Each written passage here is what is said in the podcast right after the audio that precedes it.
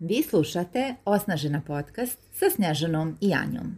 Mjesto gdje razgovaramo o vama, nama i vječnim temama. Temama koje mir, sreću i snagu znače.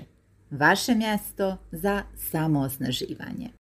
Anja, koliko su zabavne te psihološke igre? Nimalo snjež. To su obrasti ponašanja koji nas unesrećuju mm i čine u stvari da se osjećamo sitnima u sobstvenim životima. Evo, danas kad se puno priča o autentičnosti, možemo mm. reći da u stvari kradu autentičnost. Kradu, odlično. da, Baš kradu autentičnost na jednom dubokom nivou. Naravno da mozak uvijek ima dobru namjeru da budemo bliski sa drugim mm. ljudima ili da doživimo neke visoke emocije ali visoke vibracije ali psihološke igre to samo na izgled omogućavaju mhm. i na jedan, hajde kažem, umjetan način. A u stvari mi kada uđemo u psihološku igru mi samo imamo utisak da doživljavamo velike emocije, mhm. da... Kao u teatru. Pa da, baš kao u teatru, jeste. Zato se, zato se ovo, ovaj, ovo i zove dramski troga, o čemu ćemo danas da pričamo, super Postoji li neka definicija psihološke igre?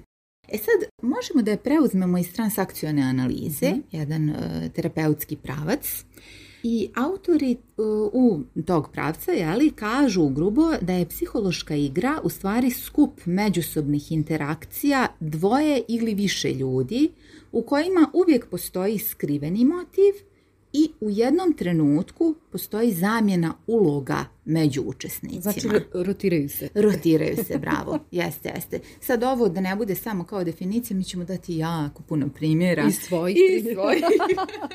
kako mi igramo psihološke igre i kako u stvari, evo šalimo se odmah na početku, ali jako važno u stvari da osvijestimo tako da mi smo nešto mm. mogli da uradimo po pitanju baš tih mm. autentičnih emocija. Da, I, da izoštrimo čula da prepoznamo psihološku igru, možda je to najvažnije, da prepoznamo kada smo u psihološkoj igri. Upravo, jeste. E, negdje, hajde, cilj, namjera e, mhm. ovog podcasta je da pričamo o tom mhm. dramskom trouglu mhm. koji je na neki način podloga svake psihološke igre. Jer u dramskom trouglu, zašto se zove trougao? Zato što u, u dramskom trouglu postoje tri uloge, žrtve, progonioca i spasioca u svakom trenutku. I oni se rotiraju, kao što si ti dobro rekla. E sad, kad govorimo o žrtvi, Žrtva će u jednom trenutku da postane spasilac, spasilac može da postane progonilac ili obrnuto. I ono što je važno za igru, da bi postojala psihološka igra, igra se uvijek završava na predvidiv način. Neko, na primjer, ima osjećaj da je nekog spasio, taj se neko osjeća opet kao žrtva, a ovaj koji je nekoga spasio, onda može da uđe u ulogu progonioca i tako redom. tako se vrte te uloge. Šta je još važno za psihološku igru? Uvijek postoji neka dobit. Mhm. Ali kao što smo već rekli, ne u smislu zaista korisne dobiti, kad bismo mi svjesno razmišljali, ali da li dakle, želimo nije, nije neka dobit koja se vidi na prvu. Tako je, mhm. tako je. To je stvari jedna vrsta dobiti koja potvrđuje ono u šta na dubokom nivou vjerujemo sebi. Jer mozak želi u stvari da uštedi energiju, želi da zaštiti sliku mhm. koju mi imamo o sebi. Mhm. Dakle, ako mi možemo da spolje izgledamo kako želimo, fenomenalno, da se uljepšavamo i tako dalje, ali da na dubokom nivou vjerujemo da smo žrtva. Mhm. okolnosti, a, sobstvene porodice, države i tako dalje. Da li to onda znači da onaj ko ima dominantno takvo uvjerenje, dominantno boravi u takvoj ulozi? Upravo tako. Mhm.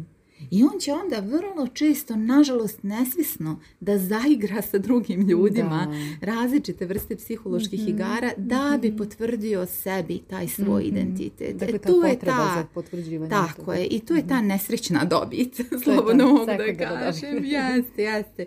To je stvarno nesrećna dobit e, jer nismo svjesni da u stvari to želimo da, da ovaj, potvrdimo sebi. I u transakcionalnoj analizi bi se onda govorilo o potvrdi životnog scenarija scenarija ili o mhm. potvrdi skripta. skripta. Mhm. Jeste. Mhm. Nekad ćemo pričati o tome detaljnije, super, tako da odlična tema. Dakle, danas se bavimo dramskim troglom jer postoje te tri uloge kroz koje neko može da učestvuje u igri. Spasilac, joj kako se prepoznajem čisto u progonilac i žrtva. Mm. I zato što su u svakodnevnoj komunikaciji i našim životima igre toliko prisutne da nam oduzimaju životnu radost i energiju, a da toga uopšte nismo svjesni. Zato ovaj podcast, mm. zato ovaj razgovor upravo o mm-hmm. dramskom trouglu. Upravo tako i e, sjajno je to što si već par puta spomenula, prepoznajemo se da bismo se prepoznali i samim tim da bismo mogli da uradimo nešto konkretno po tom mm. pitanju.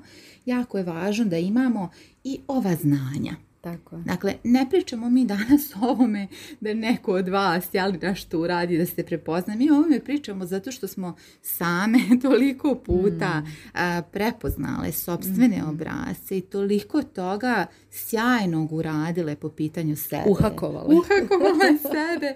Evo, na primjer, moj neki e, dominantni, e, dominantna uloga u neki, opet zavisi od različitih života, tako, od konteksta, u različitim mhm. životnim ulogama. Na primjer, u porodici nije popularno ovo što ću sad da kažem, ali sam bila mali progonilac.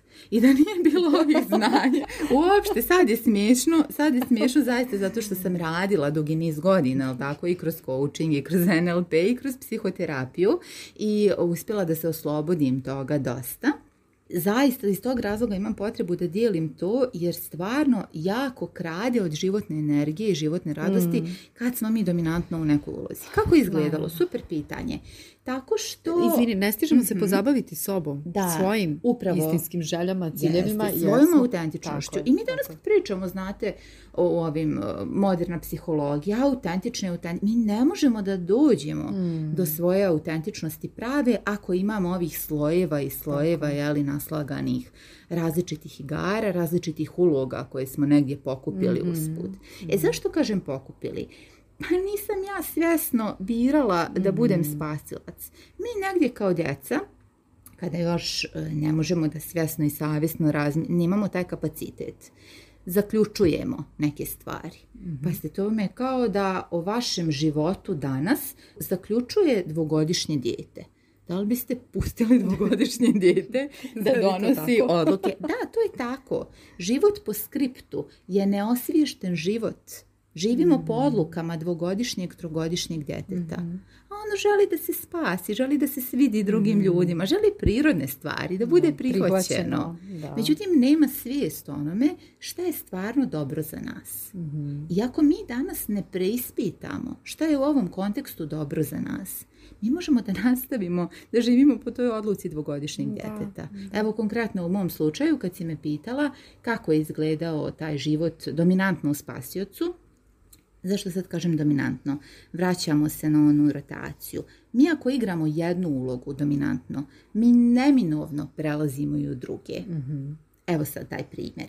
Roditelji, mogu sad da kažem iz svojih naravno najboljih namjera, nisu iz sad ove perspektive koju ja imam, znali na najbolji način da izlaze na kraj sa sobstvenim emocijama i sa mhm. emocijama konkretno, na primjer, mene i mog brata u nekim trenucima ja bih kao dijete zaključivala, e to je što treba da se sredi, oni mhm. dižu galamu, svađaju se sa bratom, potrebna intervencija. potrebna intervencija.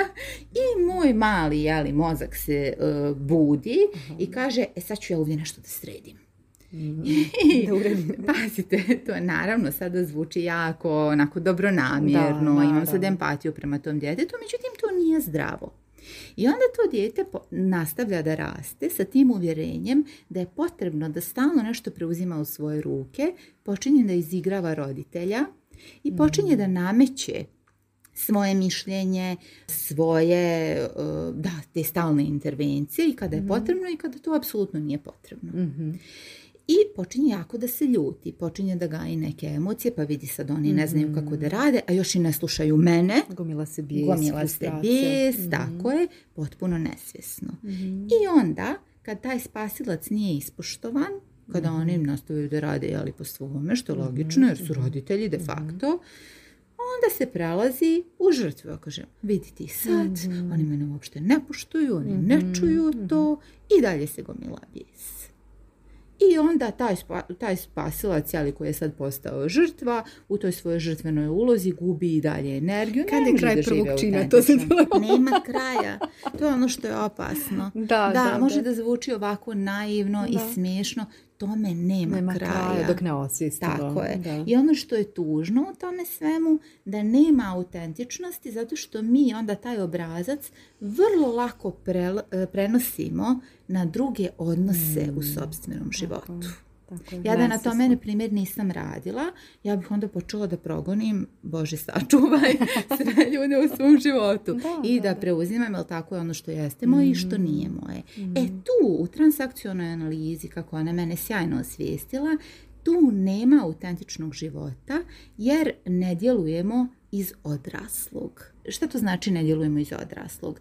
Ne preuzimamo odgovornost za sobstvene emocije ne mhm. kažemo, e, ne objelodanimo, ja se sada osjećam tako i tako, da li možemo da razgovaramo o tome mhm. i da preispitamo da li je ovo stvarno moje ili to zavisi od nekih drugih ljudi, od drugih okolnosti i da li ja drugima oduzimam moć mm radeći tako iz prikrajka, znajući za njih šta je dobro za njih.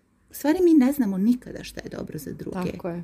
Dok ih ne pitamo, dok sa njima ne razgovaramo, dok mi ne preuzmemo odgovornost za sobstvene emocije i pustimo druge mm. da preuzmu odgovornost za sobstvene Koliko onda dramski trougao u stvari razgrađuje našu cjelovitost, integritet? Pa u potpunosti. U potpunosti. Suštinski, mhm. mi kada smo dominantno u ovim ulogama, žrtva, spasilac, progonilac i da, naravno, kad sam ja u žrtvi, ja nemam energiju životnu. Mhm. I čim se malo probudi ta energija, ja ću opet krenuti da progonim. E sad vi treba ponovo nešto da mhm, uradite mhm. da bih se ja suštinski osjećala dobro. Ne. A naše emocije su odraz naših misli. Mi se možemo osjećati dobro samo kada imamo podržavajuće misli, podržavajuće uvjerenja i kada posljedično živimo, živimo svoju istinu, svoju autentičnost i tako dalje. Dakle, da sumiramo ovaj dio u ovom, ali sada ove ovaj mhm. negdje na pola emisije. Kada osvestimo da smo u dramskom trouglu i kada se izmaknemo i kada kažemo neću igrati ovu igru i e, kada se pomaknemo u onu neutralnu poziciju, mi u stvari radimo na svom integritetu, na svom isceljenju, na svojoj autentičnosti, na svojoj autonomiji, ili tako?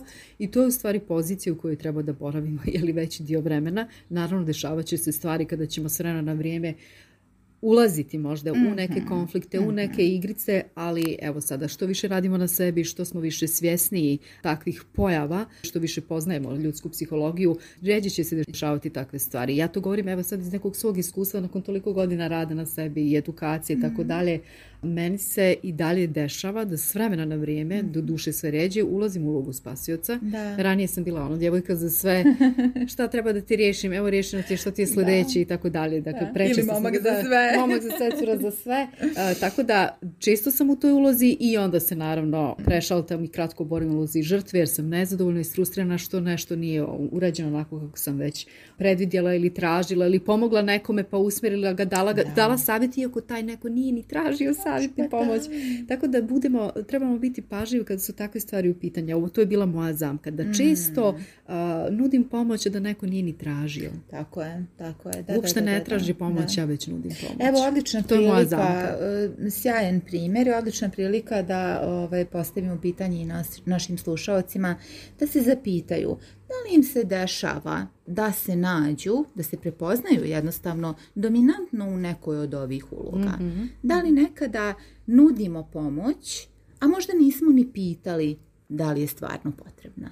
Da li osobi preko puta sada treba naša pomoć? i šta time dobijamo. Da Ili budemo rešamo, onako, da. jeste, iskreni prema sebi. Šta mi time zadovoljavamo kakvu svoju potrebu i slično. Preuzimamo tuđe zadatke, rješavamo tuđe mhm. probleme. Jednostavno preuzimamo tuđu odgovornost na mhm. svoja leđa, a to uopšte nije naš posao. nije, tako nije naš cirkus. Jeste, bravo. I da li možda imamo upravo neku emociju, ljutnje, frustracije, neku drugu nepoželjnu emociju i šta bi moglo, e, koja uloga iza toga bi mogla da se mhm. krije. Mhm. Da li e, vjerujemo da znamo za druge bolje od njih samih mhm. šta je za njih dobro? Da li potencijalno namećemo neka rješenja? Isto tako bez pitanja. Tražiti dozvolu je uvijek jako dobra ideja. Ili možda imamo neki utisak da smo nemoćni. Gdje to gubimo svoju moć? Da li e, postoji ta neka žrtva, osjećaj žrtvenosti, da, li, da smo žrtva okolnosti, da smo žrtva bilo čega i da li to stvarno jesmo, odnosno da li se asertivno ponašamo, da li tražimo svoja prava, eksplicitno komuniciramo ih. Eto, to su pitanja za mhm, razmišljanje. Otvaramo pitanja. otvaramo pitanja, tako je. Uopšte ne mora da bude ništa od ovoga istina za vas, samo je važno da preispitamo. Mhm. Mhm, da li nekada negdje, u nekoj mojoj ulozi, da li na poslu, da li u porodici, da li u prijateljstvima.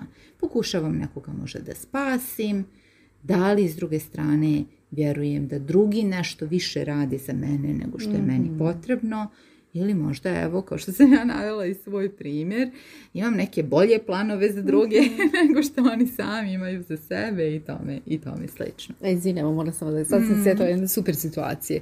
Da. tipičan dramski trougao, mama, tata i dijete, kada kada moj sin vježbao matematiku sa svojim tatom, pa se tata ljuti ako nije dobro uradio zadatak, onda se on osjeća kao progonilac, sin je žrtva da. i onda ja zovem telefonom, ja sam spasilac jer se pa Da, pa da, pa Tako da, to, to su bile čiste situacije ranije, hvala Bogu više. yes, više nisam na repertuaru te predstave. Evo, super koji imaju, na primjer, ove širu porodicu ili koji imaju djecu, uvijek mogu da relaksiraju tu mm. situaciju. Kada, kada se ponovi, što je u stvari sa igrama interesantno? Da se one ponavljaju ili ako neko, na primjer, ima dvoje djece, znate, ono, kao svađa između njih, poziva se neki spasilac, eksterni, e, tako je. Vi uvijek imate priliku, kad ste svjesni toga, da prekinete tu igru. Da mhm. kažete, a, ja tebi vjerujem, da si ti dovoljno pametan, da dovoljno mhm. dobro znaš za sebe, kako ćete vi to sada rešiti? Evo, baš me sad zanima što biste vi sad rešili mhm.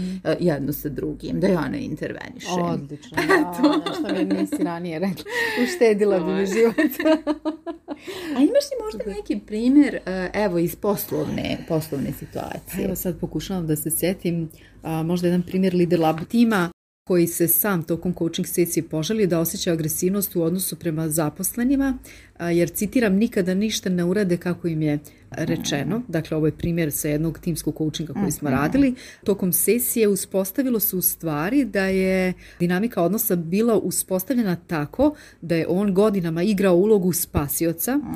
jer je tome naučen u djetinstvu i ona mu je u neku ruku prirodna, pa je članove tima opravdavao jedne pred drugima, pokrivao ih za neurađene poslove, potom sam ostajao dokasno da bi sve zakrpao, završio i tako dalje. Prirodno vrlo često je počeo da sklizava ulogu progonioca kada bi vidio da se poslovi nagomilavaju i na kraju se osjetio kao žrtva sopstvenog pa ima. da, da, ovaj lider praktično postaje žrtva. Da. Tako, je, tako je, pošto mu uloga žrtve nije prirodna, opet agresijom bi se vraća ulogu progonioca i time sebi dodatno oduzimao moć.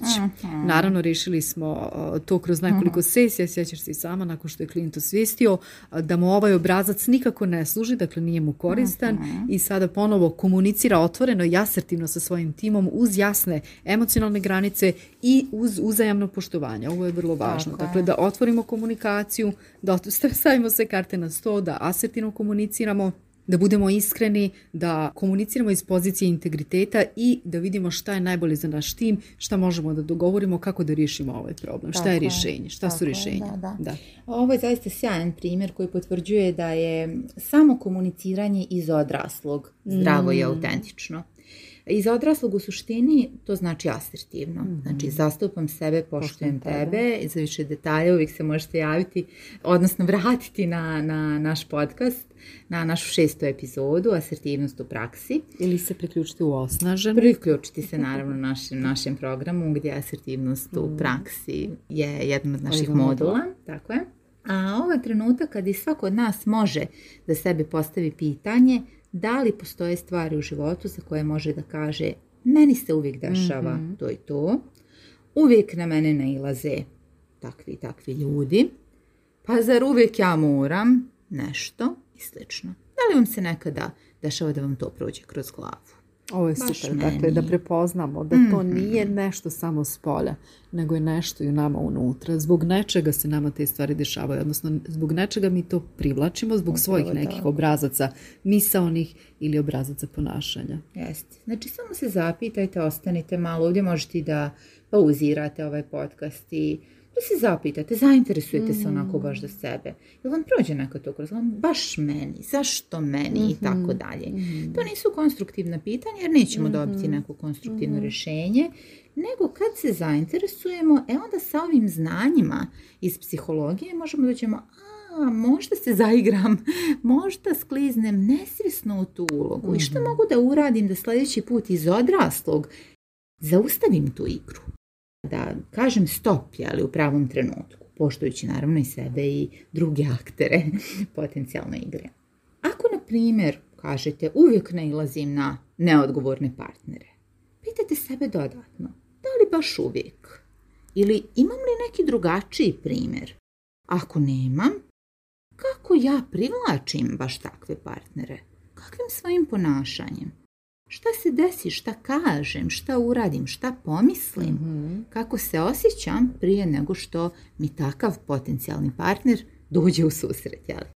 kakve to signale možda nesvjesno šaljem Može li to da ima neke veze sa mojom ulogom žrtva progonilac ili spasilac koja mi je recimo bliska još iz perioda odrastanja? Ili da možda razmislimo o utiscima koje ostavljamo na druge ljude, jer to se često dešava. Mi smo možda potpuno drugačija priroda i drugačiji karakter, ali kroz neka određena ponašanja, obrazce ponašanja, mi ostavljamo potpuno pogrešan utisak i onda na osnovu toga druga strana usklađuje svoje ponašanje, možda na neki negativan način koji nama naravno ne odgovara. jako je važno da osvijestimo ovakvu jeste, situaciju. Jeste, jeste, baš tako. Izuzetno je važno. Evo, na primjer, mene bi ta moja e, čista smjena između spasioca i progonioca, najčešća, zaista koštala mhm. predivnog života, autentičnog koji mm. danas živim i kroz svoju profesiju, da nisam svjesno radila na njoj. Mhm. E, privlačila bih e, pogrešne ljude, slala mhm. pogrešnu poruku o tome. Ja nikoga ne treba da spašavam jer ja duboko, na dubokom ćelijskom nivou mhm. svog bića izuzetno vjerujem u ljude, jako volim ljude, jako želim da njeguju svoje potencijale. Smatram da na taj način u stvari doprinosimo mhm. zdravom društvu.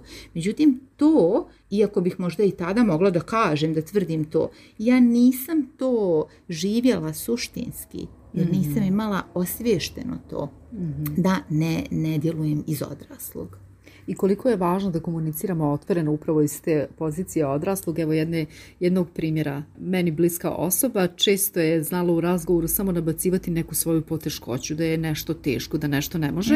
I ja sam iz one svoje prirodne uloge spasioca odmah uskakala sa rješenjima. Međutim, nakon osvještavanja dramskog trougla, ja sam rekla tada ok, ja te čujem, ali molim te da mi postaviš pitanje ukoliko ti je potrebna moja pomoć. Da lijepo, asertivno, odraslo pitaš ukoliko smatraš da ti ja nešto mogu pomoći. Samo me pita jasno i glasno. Ja ću odgovoriti mogu, ne mogu i to je pošteno. Odlično, odlično. Ne da prepostavljam. Ovo zaista može da bude dragocjeno jer posebno, evo stvarno ne generalizujemo, ali žene i zbog prirode našeg područja i zbog, ajde i kolektivno mhm. nesvjesnog, vrlo često završavaju ulogama žrtve i spasioca. Mm. Vrlo često.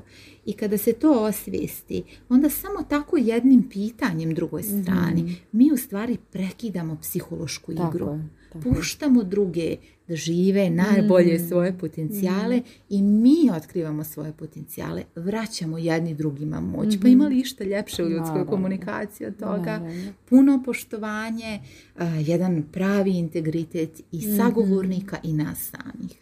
Čista komunikacija, to je komunikacija. stvari Imaš li još nekih e, primjera psihološke igre u koje ove uloge dolaze do izražaja? Ja, to je jako zanimljivo. Ono da, ova možemo da pričamo o njoj tri dana uh, i nekada ćemo pozvati i neke psihologe, baš da pričaju stručnije možda o ovome, to bi bilo jako interesantno, imamo tu namjeru. Nama je danas bila namjera upravo da ovako kroz neke životne primjere vi osvijestite, jer mnogo se danas priča o dramskom trouglu i nama je bilo važno da kad se već to toliko priča, znati koliko je stvarno moćno mm. imati ova znanja i ova znanja onda primjenjivati u svakodnevnom životu. Jer imamo pa ja mogu da kažem zaista u svakom satu svog biti sanja imamo mogućnost da ova znanja stavimo u mm, praksu. Tako. E, kroz sobstvene misli, jer ova igra može da postoji, ja bih rekla, i na nivou jedne e, ličnosti. Mi se mhm. sami e, sa, sobom možemo igrati. Mhm. Jel tako? Pročitamo neku informaciju, kažem, jao, jadna ja, jao, živim u ovoj zemlji, jao, vidi ovog rata. Da, ja sam onda žrtva okolnosti. Ja mm. I onda se u meni automatski u sljedećem trenutku promijeni možda neka agresija. Kažem, ma sad ću ja da pokažem i ovim svojim i saradnicima i svijetu i kako ovo ništa nije u redu i tako dalje. Dakle, sad možda malo karikira, međutim, postoji mogućnost da se prepoznamo zaista mm. u toj igri, mm. evo i, i e, na nivou jedne, jeli, mm. um, jedne osobe, jedne ličnosti. Mm. Samo je bitno da se malo izmaknemo, razmislimo tako da budemo Tako je. I da, se malo i našalimo sa sobom. Znate, da malo relaksiramo, da kažemo pa pobogu, ono kao kako da, kako da, evo, jednostavno govorim svoju istinu. Mm. Kad znamo da smo vrijedni suštinski, svi apsolutno jednako vrijedni u svakom trenutku. Upravo tako, da kažemo drugom, pa daj, postavi mi pitanje traži ako ti nešto treba. pitanje, da, to je super, super je to sugestija, ok, da li ti nešto mhm. treba od mene? Postavi mi pitanje i ja ću odgovoriti da ili ne. Jer to se mhm. često dešava, pretpostavke su uvod u dramski trougao. Da, uvijek, uvijek, uvijek, To, mhm. to si odlično rekla. Ja sam prepostavljao da si mislila tako ili nisi mislila tako, ba da ti je jasno. U, Zašto to vajda ti je jasno, to onako čuvajte se toga, čuvajmo mhm. se toga i mhm. uvijek imati svijest o tome da pretpostavka na izgled štedi vrijeme, mhm. energiju, međutim jako puno košta. Dugoročno najviše košta. Nikada pretpostavljati sa najbliskim ljudima čak najmanje pretpostavljati. mm Poštujmo svoje bliske ljude, Poštujmo sebe, ne pretpostavljamo ni za sebe. Mm. Zainteresujemo se svakodnevno, to je naša misija. Mm, da li mi je baš danas ovo zanimljivo? Da li mi se baš danas radi na ovoj temi? Kako ću danas da dam svoj najbolji doprinos tu gdje biram da ga dam i tako dalje? Ne pretpostavljamo ni za sebe, a kamoli za druge ljude. Dakle, light motiv cijele ove priče kada je u pitanju dramski trougao je da uvijek raščišćavamo komunikaciju preciznim pitanjima prije svega i otvorenim, otvorenim komuniciranjem, iskrenim komuniciranjem. Ako primijetimo da je nešto narodski rečeno pomalo mutno u komunikaciji, da. nam nije jasno, da nam se nešto nameće, da neko nešto izgleda očekuje od nas, a da nije to jasno iskomunicirao. Naša misija je u toj mhm. situaciji da mi raščišćavamo to komunikacijono polje tako što ćemo biti jasni asertivni tako što nećemo igrati psihološke igrice i postaviti precizna pitanja. Šta ti tačno treba, kad ti treba, da li ti treba, da li je to moj posao, da budemo što jasniji u toj komunikaciji. Zato su pitanja meta, pitanja iz NLP Da, meta, zato se mi bavimo. Alat. pa zato se mi bavimo coachingom, zato smo mi iz svojih jeli, profesija izabrali da ovo bude naš osnovni alat u životu, mhm. konkretna jasna, precizna mhm. pitanja. Coaching su suštinski pametna pitanja na koja dobijamo pametne mhm. odgovore. Jer bez pametnih transakcionalni analitičari bi rekli bez pitanja iz odraslog, sa mhm. pravom zainteresovanošću, sa kongruentnošću, integritetom, mhm. nema pametnih odgovora. Bez pametnih odgovora, odnosno pametnih misli, nema ni pametnih rezultata. Ajde da potpuno pojednostavimo sad i coaching i transakcionalnu analizu i sve ove fenomenalne pravce koje zaista kvalitet života znače ja to danas mogu kongruentno da kažem. Samo ćeš mi dozvoliti da, s obzirom da sam praktičar transakcione analize, ovaj termin korigujem ovdje i za slušalce. Mnogo puta sam čula psihološke igrice.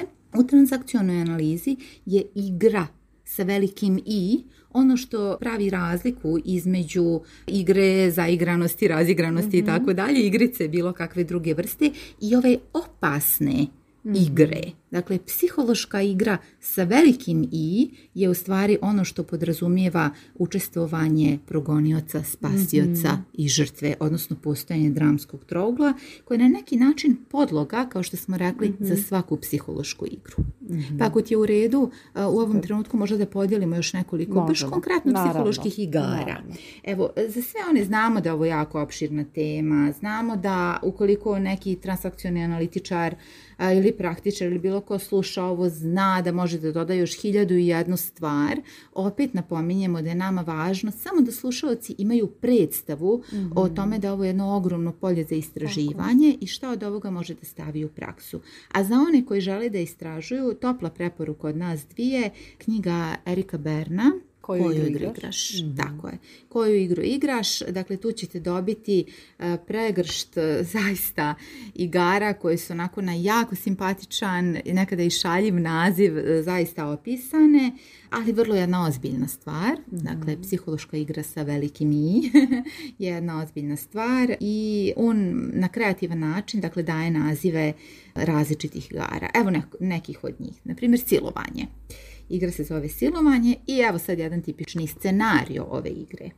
Na primjer, djevojka ulazi u komunikaciju sa muškarcem e, s podsvjesnom namjerom, opet kažem podsvjesnom namjerom, nekada i svjesnom, ali uzet ćemo u obzir da, smo, mhm. da imamo dobru namjeru u suštini kao ljudi, s podsvjesnom namjerom da potvrdi svoj skript, svoju životnu priču i svoju dominantnu ulogu žrtve.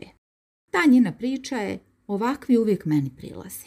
Znate, ono, uvijek ja na ovakvog naićem. Eto, ako se neko prepozna, nek nastavi da sluša. I pričam u svoju priču o posljednjem nepouzdanom partneru. I sad taj muškarac uđe s namjerom spasioca. On, na primjer, ima dominantnu ulogu spasioca. I pazite, mi u životu upravo ovako ulazimo u komunikaciju. I ponudio je piće. Pa da, ponudio je naravno piće. Šta će on sad? Treba da je spasi na neki način. Da je sasluša, da je utješi i tako dalje. I oni su se jako dobro mečovali, rekla bi, ove mlađe generacije, ali jako dobro su našli, da kažem, e, rupu jednu u drugome, mhm, da mhm. popune ulogu jednu drugome, dobro se mhm. uklapaju. On ju naravno, kao što reče ti, ponudi pićem i ona brže bolje zaključi i ti si isti. Ovakvi uvijek meni prilazi. Šta je ona uradila? Ona je potvrdila svoj životni skript. I oboj su nagrađeni. S početka priče, sjetite se, oboje imaju dobit. Mhm. To je ta dobit. Oboje su nagrađeni potvrtom svojih skriptova. Ona žrtva, on spasilac koji sad postaje žrtva svoje naivnosti u sobstvenim očima. On sad kaže, eto, ja imam najbolju namjeru, ona Evo opet što meni. Dobi. Evo šta Ne može vam čovjek nikada ugoditi. Tako je. Ženama se ne može ugoditi, odnosno muškarci su svi isti. Što je zaista jedna ogromna krađa i sakaćenje ja. radosti i mogućnosti da uživamo jedni u drugima i da stvarno uživamo u kvalitetnim e, vezama. Druga jedna igra, strašno, strašno Šta to znači? Evo recimo komšinice koje počnu da pričaju jao moja ti, pa evo posle ove korone, pa sad rat u Ukrajini, pa evo sve poskupilo, pa ode mast u propast, što bi rekao naš narod, strašno, strašno. Žrtveni mentalitet s ciljem povezivanja. Mhm. To su te emocije. Mi tražimo, mi kada ulazimo u komunikaciju, mi kao biće imamo potrebu da se povezujemo duboko. Mhm. I kada nemamo bolju ideju, mi uđemo na nivou mukice, što bi rekli, ali najlakše se povezati na nivou muke. Mhm. tako? I onda, nažalost, samo sebi potvrđujemo tu žrtvenu ulogu. I kako mhm. se osjećate kad sa svojom, na primjer, sestrom, majkom, prijateljicom, komšinicom podijelite ovako, ja, korona, jeste obogaćeni time? Kako se suštinski osjećate? Uvijek postavite sebi pitanje, kakva je dobit stvarna, prava, ona autentična iz ove komunikacije, kako sam obogatila ovo drugo biće preko puta sebe, Kako sam e, ja sreću, radost iskusila u ovoj komunikaciji. Šta nam je bilo korisno iz ove komunikacije? Šta nam je bilo korisno? Još Izvinja jedno. da, ovo za, za povezivanje na nivou mukice. ja mhm. sam imala ranije situacije gdje su drugarice pričale, na primjer, o svojim muževima, žale se na muževe, a nikada se ne razvode. Ja, da. Ali to, to su bile žalbe, ogromne žalbe, veliki da. problemi. I onda jedna drugu tješe ja to posmatram i na kraju posle takvih razgovora nikad se nisam osjećala dobro i naravno da više nisam učestvovala. Naravno, naravno, da se pitanje ko se, naravno, ko se na kraju osjeća dobro. imamo potrebu za emocijama, neki bi danas rekli visoke vibracije, mm jel tako, mhm. uzbuđenjem. Imamo svi potrebu za tim i jako je važno da to znamo. I onda iz toga sebi postavimo pitanje na koji način biram da dođem do tih mhm. emocija. Jesu li to neka nova znanja, jesu su li to neke nove vještine kojima ću obogatiti svoje okruženje? Novi ljudi, novo okruženje. Novi ljudi, grupa. Tako je, mhm. Opet, na primjer, naša osnažena zajednica i tako dalje, jeste. Ima još jako puno igara, ali evo još neke koje se stvarno često dešavaju i ovo što ti spomenu recimo partnerima i tome mhm. slično, da nije bilo tebe. To je isto igra koja je jako opasna za nas, za druge i, na primjer, e, možda imate u svom okruženju opet neku prijateljicu, poznanicu i tako dalje, koja izgovara da se nisam tako rano udala, da nisam rodila djecu, završila bih ne znam ja šta, u koju školu, koji fakultet, koji doktorat, ili bi bila stewardesa, upoznala nekog glumca, glumica, i tako dalje. Da li vam je možda to poznato? Da li je možda neko to sam podsvjesno izgovorio sebi mhm. i na taj način podriva sebe? mm Evo, samo pitanje za slušalce i kako možemo da pomognemo eventualno ljudima da mhm. izađu sami iz te igre, da pitamo pa dobro, da li vjeruješ da ti postavljanje tog pitanja sada nešto rješava? nešto donosi u tvoj mhm. život. Ako smo zaista intimni, bliski sa tom mhm. osobom i ako ne ulazimo u spasioce, ali na taj način da to prepoznamo. Znači da nije bilo tebe jedna jako, jako opasna igra, jer suštinski mi smo kreatori sobstvenog života, mi odraslo preuzimamo mhm. odgovornost za rezultate u sobstvenom životu. Jer tek kad preuzmemo odgovornost za rezultate trenutne, onda možemo da kreiramo drugačije rezultate ukoliko nam se ovi ne dopadaju. Ili recimo, evo još jedna igra, na primjer za kraj, sad opet mogli bismo do sutra da, da citiramo vi ćete pročitati sami ako vas interesuje, jako interesantan naziv, došao si mi na zicer đubre. Meni je ovo baš super.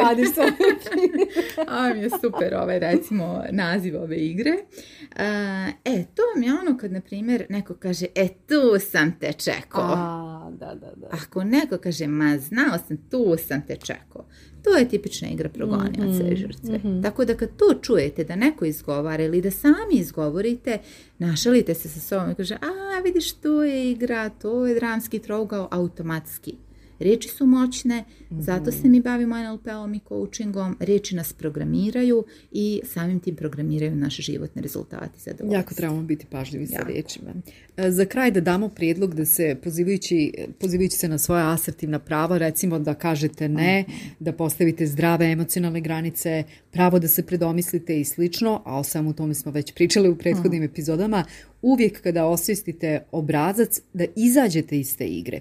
Ako o načinima izlaska iz igre imate nekih dodatnih pitanja i nedoumica, mi vam preporučujemo da nam pišete. Rado ćemo nastaviti da pričamo na ovu temu kroz neku narednu epizodu u kojoj ćemo se pozabaviti odgovorima na vaša pitanje. Moram da kažem da je ovo do sada najduža epizoda, Anja. Preko 30 minuta, jer je tema izuzetno i korisna, i vrijedna, i zanimljiva i sigurno ćemo se ovome vraćati još nekoliko puta. Sigurno ćemo se vraćati i zvati i stručnjak iz ovih oblasti, jedva čekamo i da proširimo ova znanja mhm.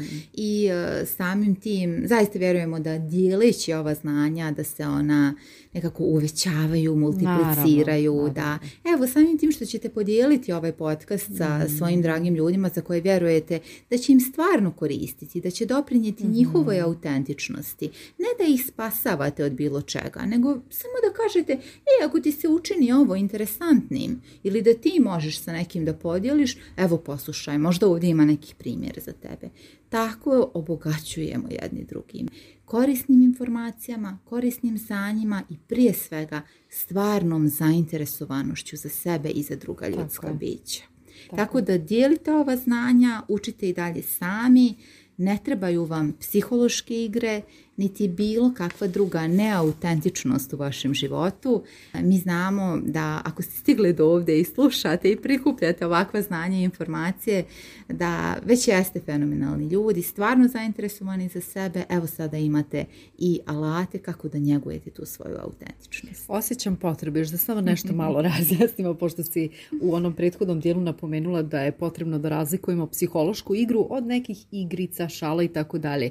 Često će se dešavati na primjer, u partnerskom odnosu, u bliskim odnosima, prijateljskim odnosima, da se malo šalimo jedni s drugima i da tu pravimo razliku, da je to ok, ako se udobno osjećamo s tim. Pa to je Znaš, ono slatko začekavanje, to nije ta psihološka igra sa velikim mi. dakle, to nije nešto što će nam štetiti. ako nam je udobno, ako nam je zanimljivo, ako se malo šalimo par minuta, pola sata, sat vremena, cijeli dan, nije bitno. To je dakle neka mala igrica koja nas čisto onako malo e, dodatno jeli, ovaj, u životu podgrijava, raduje. Tako, da, pa pazite, takvih igrica vam želimo mhm. sve više i više u životu. I suštinski takvih igrica i razigranosti će biti sve više a, kako opada udio tako, psiholoških igara u našem životu. Kad se mi našalimo sa sobom, kažem joj, pazi mene, opet ja u žrtvi, mhm. opet ja u progonu i kada to objelodanimo i sebi i svojim dragim ljudima u nekom mhm. e, sigurnom okruženju, onda se šalimo, onda tu poteku ti fini životni sokovi, onda smo stvarno bliski i onda imamo prirodnu bliskost, neumjetnu. Tako. Naravno, da odvojimo žito od kukolja, to je sad baš tako, da. Super, hvala ti puno, završavamo ovdje, mhm, mhm. vjerovatno ćemo još pričati o ovoj temi u nekim narednim epizodama, mi nastavljamo dalje i kao što je Anja rekla, dijelite ova znanja, pomozite drugim ljudima da saznaju što više o ovoj temi pogotovo, tako da se čujemo u narednoj epizodi. Hvala vam. Hvala vam, postavljajte nam pitanja, šaljite komentare, pridružite se našoj zajednici ukoliko evo rezonujete i sa sa ovim vrijednostima. Ukoliko vam je ovo interesantno, na našem programu Osnažena od 10 modula družimo se 6 mjeseci. Zaista toliko ovoga stavljamo u praksu i toliko e, duboko prodremo u ova znanja i što je najvažnije zaista ih primjenjujemo u mhm. svojoj svakodnevnici i naša svakodnevnica jednostavno postaje vesela, razigrana, mhm. autentična, obojena, obojena. Ali ključna riječ, primjena. Primjena, apsolutno. Primjena, rezultati ne lažu, a mm. mi vama želimo baš onakve rezultate kakve priželjkujete za sebe. Super, divna poruka za kraj. Hvala Anja. Srećno! Srećno!